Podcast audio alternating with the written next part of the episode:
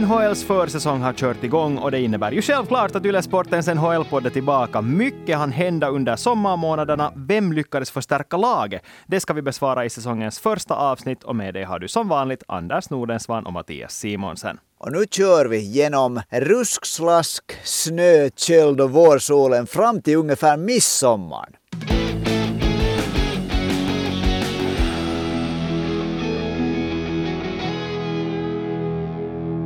Ja, Anders, det har ju gått ganska många månader sedan vi senast snackade NHL i de här eh, sammanhangen åtminstone. Och nu känns det lite som att vi inte riktigt har tid att gå igenom allt, exakt allt som har hänt under sommaren i NHL, för det har ju hänt en massa. Men vi fick en jättebra fråga, för vi efterlyste ju helt som vanligt när säsongen, eh, poddsäsongen körde igång, före NHL-säsongen kör igång, att eh, alla ni som lyssnar gärna får skicka in frågor helt som vanligt och det var jättemånga av er som skickade in. Det är vi väldigt tacksamma för. Jag ska genast passa på att säga att väldigt många av de här förslagen är sådana som vi inte hinner ta itu med direkt, men sådana som vi absolut håller bakom öra för resten av säsongen. Men Tom skrev så här, vilka lag har haft den bästa bästa och sämsta tränings, eller ska vi säga sommaren, off-season var ordet som han använde. Och det här förde mig in på att en ganska bra idé tycker jag, för jag tycker att vi kan göra så att vi båda lyfter fram ett lag som har lyckats, eller, eller ska vi säga, vi lyfter fram en vinnare och en förlorare under sommaren i NHL. Hur var, köper du det konceptet? Jag köper det helt. Jag köper, vi utvidgar lite det här att man kan vara vinnare också fast man inte är ett lag. Okej, okej, okay, okay, vi gör så. Vi gör Eller förlorare åtminstone. Men vet du vad, du får börja. Vem skulle du lyfta fram som sommarens största vinnare i dina papper? Det är faktiskt, det här är ju en, en där fråga som man kan ha många svar på. Jag det där tycker med utgående från, från det där förra säsongen och hur det där det ser ut med tanken nu så tycker jag att Carolina Hurricanes ser jädrans bra ut efter den här sommaren. Jag tycker att Carolina var ju bra redan förra säsongen. De vann uh, Metropolitan Division, var länge med till och med att kämpa om att vinna President's Trophy. Sen blev det en liten svacka i, i slutspelet när de inte lyckades knyta säcken mot New York Rangers. Men det där, jag, jag kan gå snart in på varför, liksom detaljer, men, men sådär som helhet så tycker jag att Carolina är en stor vinnare. Har du, vad, vad säger du om det? No, jag vill nog höra de där detaljerna för jag säga. Alltså, så här, I grund och botten så är jag ju benägen att hålla med men jag tycker ändå att du ska lista upp de här detaljerna till varför du tycker att Carolina hör till de största vinnarna. Och det ska jag göra. Och det, för det första så är stommen kvar. Det är liksom de viktiga spelarna, spelarna typ med Sebastian Aho, Jacob Slavin, Andrei Svechnikov, Teuvo Teräväinen, Jordan Stahl, Brett Pesci, de här spelarna som, som man liksom förlitar sig på, som, som nu redan har blivit liksom Carolinas DNA tycker jag. De finns alla kvar. Rob Brindamur, coachen, finns kvar. Han är otroligt målmedveten. Hans spelsystem är inne där. Nu går man in med målvaktstanden som var bra förra året. Det blev skadeproblem med Fredrik Andersen, Antti Ranta tycker jag starka ser solida ut. Det, det, är någonting som man kan lita på. Sen de spelarna som har, som har lämnat laget tycker jag att inte alltför stora avbräck. Några till exempel som Max Domi och Tony DeAngelo så hej hej bara de bidrog sist och slutligen inte så mycket åtminstone till lagets sammanhållning. Nino Niederreiter var en bra spelare men inte ändå en sån här spelare som är det där, hur ska man säga, han är en viktig, viktig kugge i ett, ett lag men, men det är liksom inte en grym förlust. Man kan kompensera för honom. Den kanske största förlusten egentligen tycker jag Eh, eh, var Vincent Trocek som flyttade till New York Rangers. En mycket bra andra center. Men om man ser på spelarna som kommit in istället så tycker jag att, att det där Carolina har gjort. Avbryt mig förresten när jag har för lång monolog. men det där, jag kan säga så mycket där, att jag höll på att skriva upp anteckna här. Vincent Trocek i versaler, utropstecken, utropstecken, utropstecken. Men du nämnde honom så du, du är förlåten. det där, äh, av, av spelarna som har kommit in så ska vi säga att killen som är jätteviktig, Dougie Hamilton hade rollen att vara skytt från blå linjen, backen i, i, ett, i många säsonger. Förra säsongen var det Tony DeAngelo som var poängbäst, spelade tillsammans med Jacob Slavin. Nu har man tagit in en av årtiondets eh, bästa NHL offensiva backar, åtminstone Brent Burns kom flyttar från San Jose. Han är ju det där kanske inte den eh, bästa defensiva backen, men han är fortfarande en spelare som till exempel gjorde över 50 poäng förra säsongen. Jag tror att han, han och Jacob Slavin kan vara ett mycket bra backpar och han kommer att vara jättebra i powerplay och i powerplay måste ju Carolina äh, producera. Paul Stasny är, tycker jag, ett, ett fantastiskt kap. En jättespelskicklig och man skulle säga pudelklok center som kan, tror jag, kan ta över Vincent Troceks roll ganska väl. Och sen då en spelare som tyvärr inte kan spela från början, Max Pacioretty, en målskytt. En målskytt har ju Carolina varit ute efter. Han kommer att vara skadad, han kommer att vara borta ungefär till All-Star-breaket, men han kommer tillbaka. Så den här helheten, nu känns Carolina som ett lag som verkligen är en tungviktare. Ja, alltså, jag håller med om att de har skaffat bra spelare, men jag tycker också att du lite nu ändå underskattar de spelarna som de har tappat. För jag tycker inte så mycket att de har blivit starkare, utan tvärtom har de försökt lappa efter de hålen som, som uppstod under sommaren. Att ja, man tappar framförallt Vincent Trocek. Jag tycker att det var det där riktigt stora namnet som de blev av, av med. Och Tony DeAngelo, fast att han är en sån person som han är, vi har talat om honom mycket i den här podden, så han var ändå viktig för dem på isen. Det, kommer vi, det kan vi inte sticka under stol med. Och nu litar man på då att det antingen är Paul Stastny eller Jesperi Kotkaniemi som fyller den luckan som Trocek lämnar efter sig på centerfilen. Det här, det här med att Kotkaniemi ska ersätta honom är ju någonting som det talas om i Nordamerika väldigt mycket. Plus då det att man fortfarande mm. tror på att Brent Burns är god för minst 50 poäng, vilket jag menar, han börjar bli lite ålderstigen. Det är inte någonting som man, som man kan lita på att hända längre. Så, så Carolina, jo, om det är så att de här spelarna levererar på den nivå som man förväntar sig, att de faktiskt spelar så bra som spelarna de ersätter gjorde förra säsongen, så då ser jag inte något som talar emot att Carolina skulle gå minst lika långt som de gjorde. Men samtidigt så finns det ganska många frågetecken här. Det som jag skulle säga att, att, att jag tycker att Brent Burns utan vidare tar han Tony DeAngelos roll. Det tror jag nog, där tror jag nog, det skulle jag nästan vara färdig att slå vad om att han kommer att vara en nyttigare spelare för Carolina än vad Tony DeAngelo var. Trocek var bra, det är inte fråga om det. Och det, det är liksom det är ju stora stövlar att fylla och det är som, som du säger så är det ju förhoppningarna är att Jesperi Kotkaniemi ska kunna ta det där steget och han glänste ju faktiskt till ganska ordentligt tycker jag. Han, han, han spelade bra under våren. Han var bra i slutspelet. Det, jag skulle inte vara helt överraskad om det nu skulle vara den säsongen som Jesperi slår igenom. Nino Niederreiter är en personlig favorit, det måste jag medge. Jag har alltid gillat honom. Men en spelare som jag glömde att nämna där, som kanske kan ta lite samma roll är Ondrej Kase som flyttar, som flyttar, kommer nu till Nino Reiter, en 26-årig tjeck som man har väntat ska blomma ut. Han var någorlunda bra förra året i Toronto Maple Leafs. Jag skulle inte vara förvånad fast han under Rod Brindamore skulle slå ut i blom så att säga. Nej, det skulle inte överraska mig heller. Och samtidigt skulle jag också lyfta upp det här som du sa om Max Pacioretty, att ja, han kommer att vara borta upp till sex månader på grund av den här skadan. Det kan vara att de får honom tillbaks först efter All-Stars-pausen. Men Carolina är ett lag som ska bygga för slutspel och om allt går väl så kommer han ju att spela i slutspel. Och här, med den åsnebryggan, tänker jag gå in på min största vinnare. Som jag får jag säga en sak ännu? Ja. En favorit som kommer dit. Spelade i Finland för ett par säsonger sedan. Malte Strömvall, han är nu i Carolina och kommer antagligen att få en chans. Svensken som vann skytteligan i, i FM-ligan med KK från Kouvola för några säsonger sedan. Nu är han i Carolina, ska bli intressant att se hur 28-åringen klarar sig. Din tur! Tack.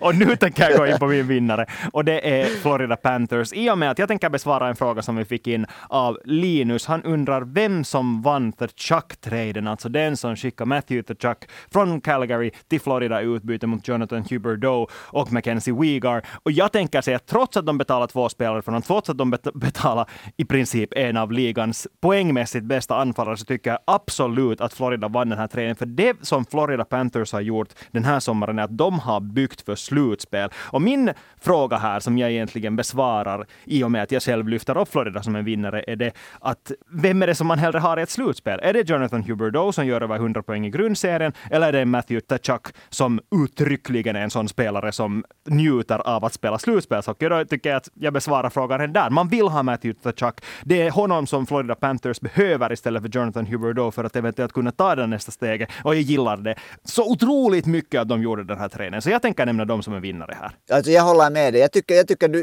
du resonerar helt som jag har tänkt.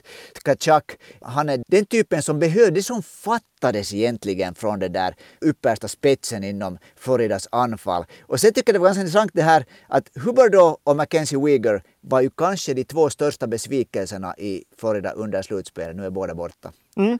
Och jag vet att vi gav mycket skit åt Florida för att de anställde Paul Maurice som tränare istället för till exempel Jukka Jalonen. Men eh, oavsett om det var så att de valde honom över en finländare, mitt största problem med honom var kanske det att de valde en tränare som har haft tendensen att ge sina stjärnor lite väl mycket makt, vilket han gjorde i Winnipeg till exempel, med där eh, Mark Scheifele och Blake Wheeler fick styra och ställa bäst de ville. Det här största farhågan med det var det att Jonathan Huberdeau skulle få för mycket makt. Och nu finns han inte där längre, utan nu har de istället sådana trogna lagspelare som Alexander Barkov och just Matthew Tkachuk som ska visa vägen. Och de här första rapporterna från Floridas träningsläger verkar antyda åtminstone att det största fokuset just nu är det att de ska vinna sina dueller. Det är det som de ska bli skarpare på. Det är på det sättet som de blir bättre i försvaret också, att de vinner de här ett mot ett duellerna. Det har kommit video därifrån när vi ser Alexander Barkov träna mot Anton Lundell. Och där ska vi minnas, Anton Lundell gör fortfarande bara sin andra NHL-säsong. Han kommer fortfarande att bli bättre vidare. Nej, jag har åtminstone jättehöga förväntningar på Florida. Någonting som egentligen också kan bidra till helheten är att det har varit hela tiden lite sådär att vem är den ledande spelaren i Florida? Är det Barkov eller är det Huberdeau? Och sådana saker kan vara emellan lite komplicerade fast det kanske inte borde vara det. Men nu är det självklart, helt klart, det här är Sasha Barkovs lag.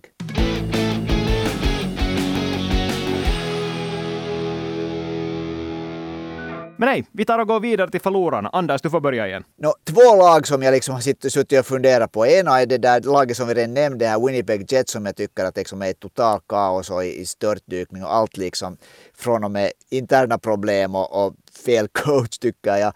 Men ändå vill jag lyfta ett lag som jag inte blir klok på och de har dessutom en fruktansvärd otur och det är Philadelphia Flyers som jag inte skulle vara överraskad om Philadelphia Flyers skulle allvarligt tävla om att vara hela ligans sämsta lag den här säsongen. Jag tror ju inte på John Tortorella i längden som coach. Han kan få någon sån här kortvarig effekt igen och det kan bli ett lag som på det sättet blir svåra att spela mot. Jag tycker inte att han på det sättet mera har hemskt mycket att bidra till modern ishockey. Och utöver att det här liksom, det är mycket som är fel så har de ju helt maximal otur att om man tänker att egentligen att vilka är de två bästa spelarna på pappret så är det ju egentligen uh, backen Ryan Ellis och centern Selke-vinnaren Sean Couturier, en av de bättre centrarna i hela NHL. Båda är borta. Ryan Ellis kommer antagligen aldrig mer att spela i NHL. Backen, som var, var väldigt bra i Nashville, han har inte kunnat i något skede spela för Philadelphia. Nu är han borta hela säsongen. Jean Couturier, deras första center, är antagligen ganska länge borta och har ju hela tiden dragits med skadeproblem.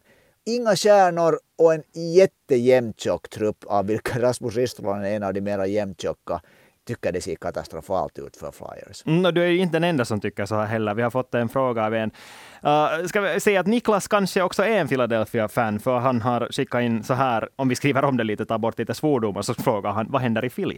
det är ju en ganska omfattande fråga som är ganska svår att besvara, men det är ju så otroligt mycket som de gör fel där just nu. De värvar fel spelare, de spelarna som de säljer gör de på fel sätt. Alla minns den här Claude Giroux-traden som var helt ofattbar i och med att de sålde honom så billigt för att de, de berättade åt Florida Panthers att de är det enda laget som han går med på att, att flytta till. Att, att det är så mycket som de gör fel där där just nu. Att man vet inte riktigt var man ens ska börja. Det blir säkert någon typ av Tortorella-effekt blir det med det där, men att, att det skulle sen leda till resultat tror jag att inte riktigt är, är någonting att räkna med. Så du säger att alla odds pekar mot att vi igen får ta en sån här diskussion nästa vår om varför Rasmus Ristolainen nobbar VM?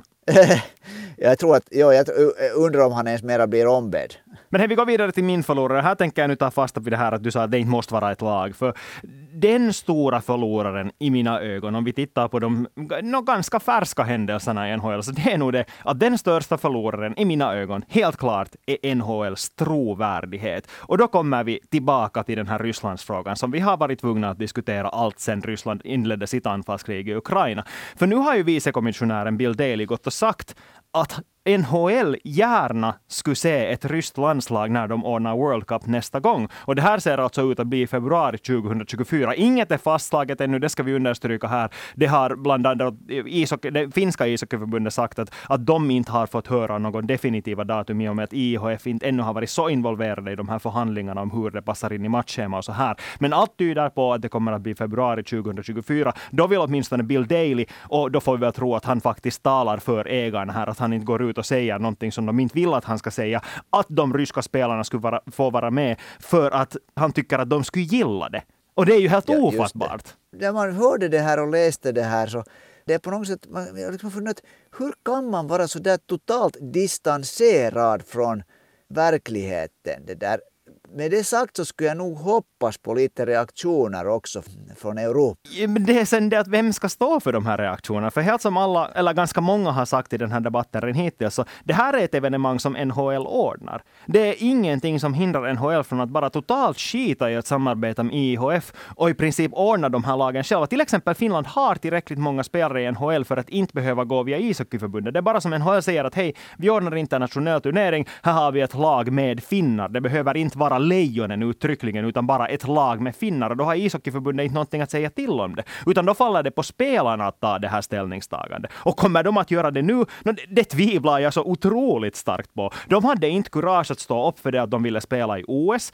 De kommer antagligen inte att göra det nu heller. Det är bara att titta på den här intervjun som Niklas Bäckström, alltså svenska Niklas Bäckström, gav med Expressen under sommaren, där han sa att han och hans kompis Alexander Ovechkin inte snackar om politik i omklädningsrummet. Det är deras deal. Den intervjun fick mig också att det där tappa lusten att dricka, dricka morgonkaffe slut. När du frågat vem, vem skulle det vara, så jag tycker att det borde vara några sådana här självutnämnda auktoriteter nu som har det egentligen, som skulle kunna ta den här rollen. Det skulle för det första kunna vara till exempel svenska och finska ishockeyförbundens ordförande, som fast, som du helt säger, de har inte egentligen ännu någon juridisk rätt att göra det, bara skulle kunna sätta ner foten och konstatera hej att app, app, app, app, det här funkar inte. Och det har ju kanske lite Nummela gjort, lite det, det hållet från för Finland. Men spelarna också, varför finns det inte sådana spelare som säger att nej, det här fungerar inte, vi kan inte tänka oss att spela en sån, en sån World Cup. Det, där, det är som du säger, det kanske Spelarna brukar ju inte göra sånt, men du och jag är säkert inte de enda som önskar att det någon skulle bli ett undantag i det.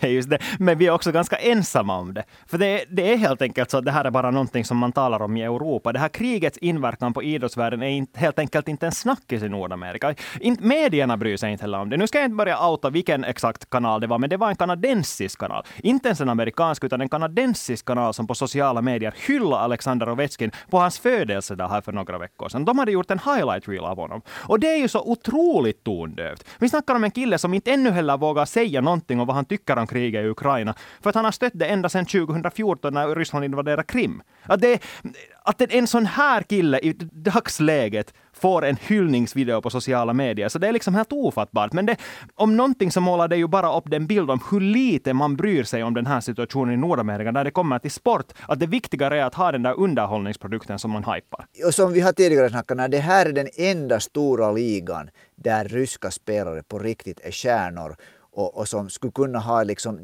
som skulle också kunna öka på det här trycket på liksom inom Ryssland att hej, att allt är inte helt okej okay. nu för tillfället kanske de håller på att märka det andra vägar men det där, men du sa om Ovechkin där, så Ovechkins senaste uttalande efter att han hade spenderat hela sommaren i Moskva och, och Ryssland. Och spelat att, och välgörenhetsuppvisningsmatcher för Dynamo Moskva. Att han inte vet tillräckligt om det här kriget för att uttala sig. Mm.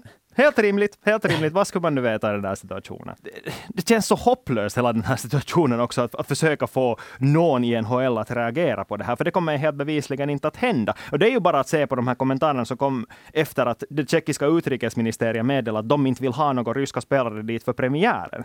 Att det är inte någonting som de är bekväma med, att det kommer ryska spelare i San Jose Sharks och Nashville Predators. Så nu talar vi om två lag som inte har en enda tongivande rysk spelare i sitt lag. No, okay, Alexander Barbanov är ju en helt okej okay spelare, inte säger jag nu det inte, men, men det är ju inte som att San Jose går under om han inte är med. Och jag, ja, samtidigt måste man också förstå det att San Joses klubbchef Mike Greer säger att vi vägrar spela om inte hela vårt lag är till förfogande. Det är ju någonting som han i hans position nästan måste säga i och med att de har valt att signa en rysk spelare. Då måste de stå bakom honom också. Men att NHL sen inte heller kommenterar överhuvudtaget och bara sen tänker köra på som hittills. Vem, vem vet om det ens blir någon premiär i Prag? Just det, jag skulle säga att den här diskussionen är ju inte slut alls ännu. Och sen om det här nu av någon orsak skulle hända så ska vi komma ihåg att, att det är inte många veckor framåt tills det är NHL-matcher i Finland också. Det är en diskussion som, var, som redan har lite, lite tangerats men som oundvikligen man måste föra i Finland också. Ja, men där måste vi också komma ihåg att de här spelarna har, kommer med arbetsvisum. Det är inte så att de kommer som turister. Det är inte så att EU kan slå en linjedragning och säga att, att de som de ryska turisterna inte kommer in i landet, utan de har har redan arbetsvisum för att spela på europeisk mark. Vem som helst i Finland kan sätta ner foten, alltså inte vem som helst, men sådana instanser som har makt kan sätta ner foten om, om det där viljan och motivationen finns. Men det ska vi ändå säga att, att, att nu det där eh, eh, vi kan ju inte hålla på nu i all oändlighet och gnälla om det här i, i den här podcasten. Jag tror att våra lyssnare vet, och vet vad, vi, vad vi tycker, var vi står. Så det där, om vi inte hela tiden diskuterar det ska ni inte tro att vi, vi har glömt det, men det där, vi kommer också att behandla ishockeyn, NHL.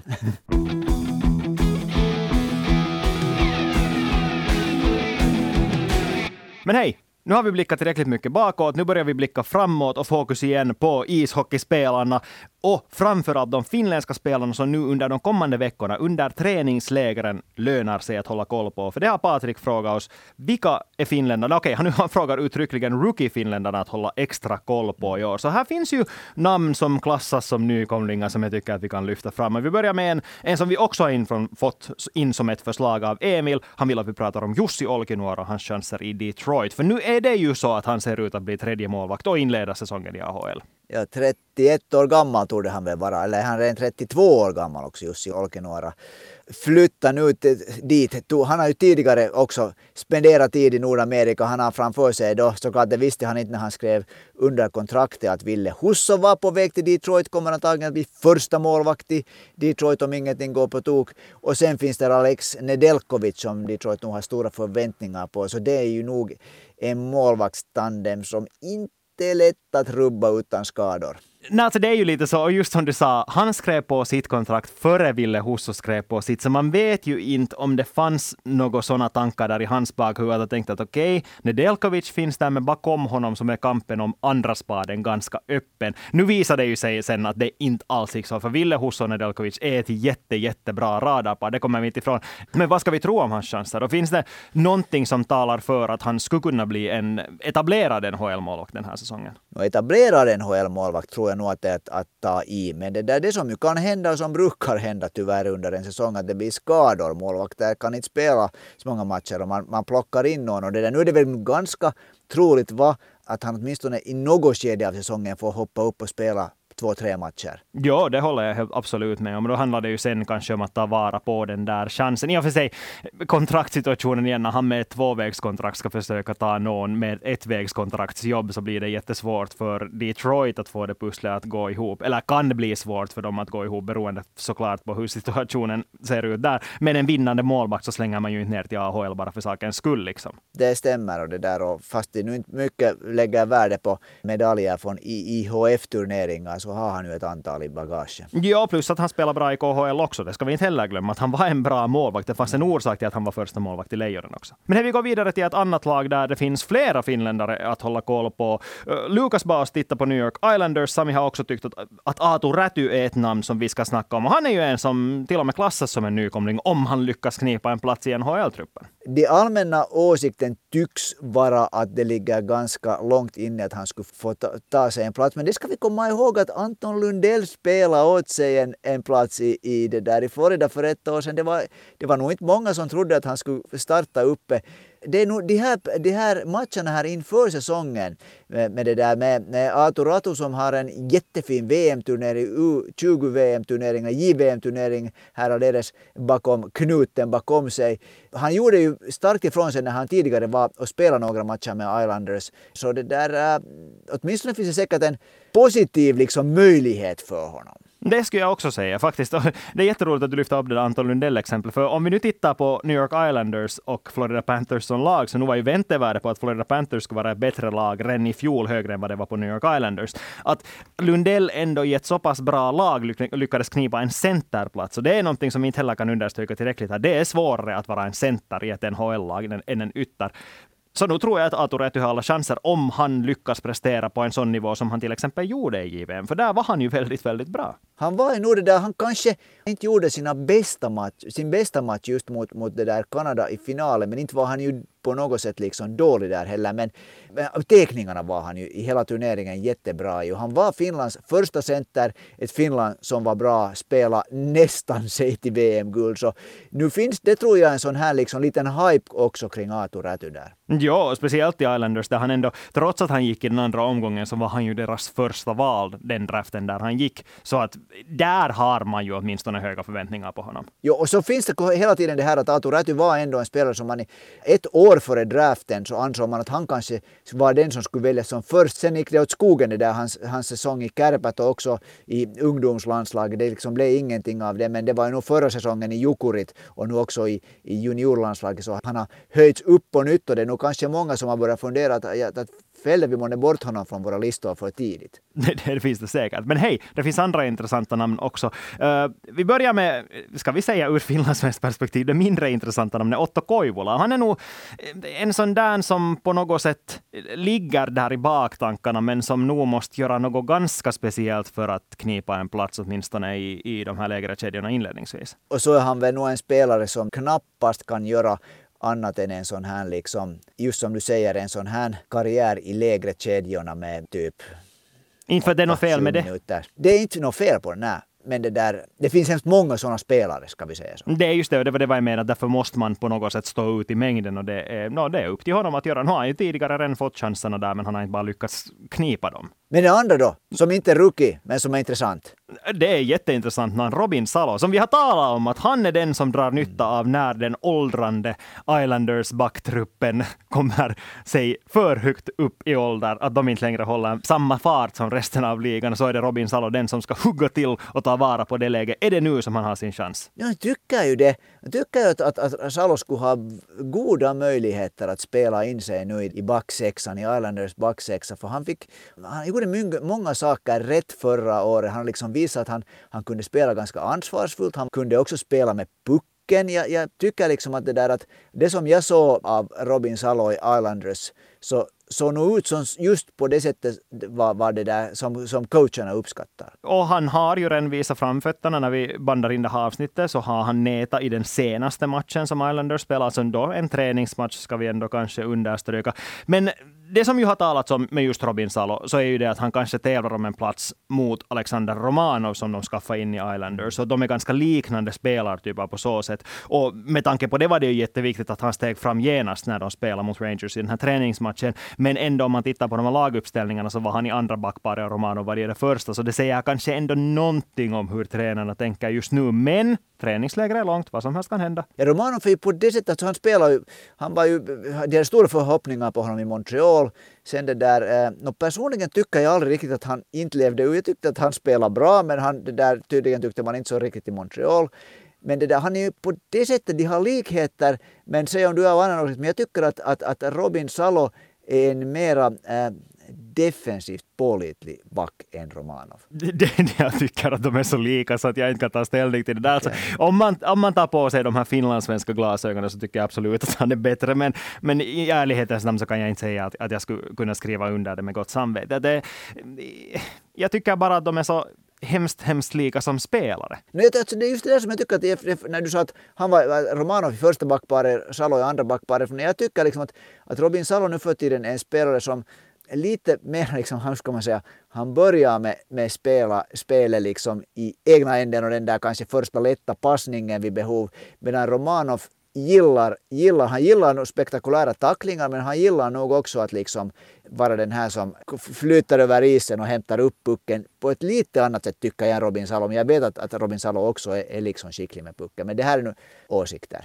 ja, men det blir ju oavsett jätteintressant att följa med. Och vet du vad, när jag grävde fram de här laguppställningarna här, så gissa vilken kedja Räty spelar? No, uh, nu borde jag ju veta det här, men det här jag faktiskt inte kollat. Du säger sådär så... Inte, ursäkta, inte spela, utan vilka spelare han har tränat med i samma kedja?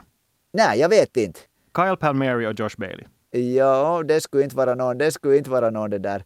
Speciellt Josh Bailey det där, äh, ja, han skulle gilla Rätys äh, framspel. Och med detta har vi alltså sätta punkt för säsongens första avsnitt av Yle Sportens NHL-podd. Vi är tillbaka nästa tisdag och då kommer vi att ta fram spåkulan och bjuda på så otroligt bra tippningar på hur det kommer att gå den här säsongen. Ni som har följt med podden, ni vet hur bra vi är på att tippa saker, så lyssna då. Om du har en, en medtippning som du vill skicka in och vill att vi ska ta ställning till, så når du oss på Yle Sportens Instagramkonto eller per mail till svenskasporten.yle.fi. Nästa vecka tillbaka igen då med tippningar. Vi hörs då. Tack och hej och ha det bra.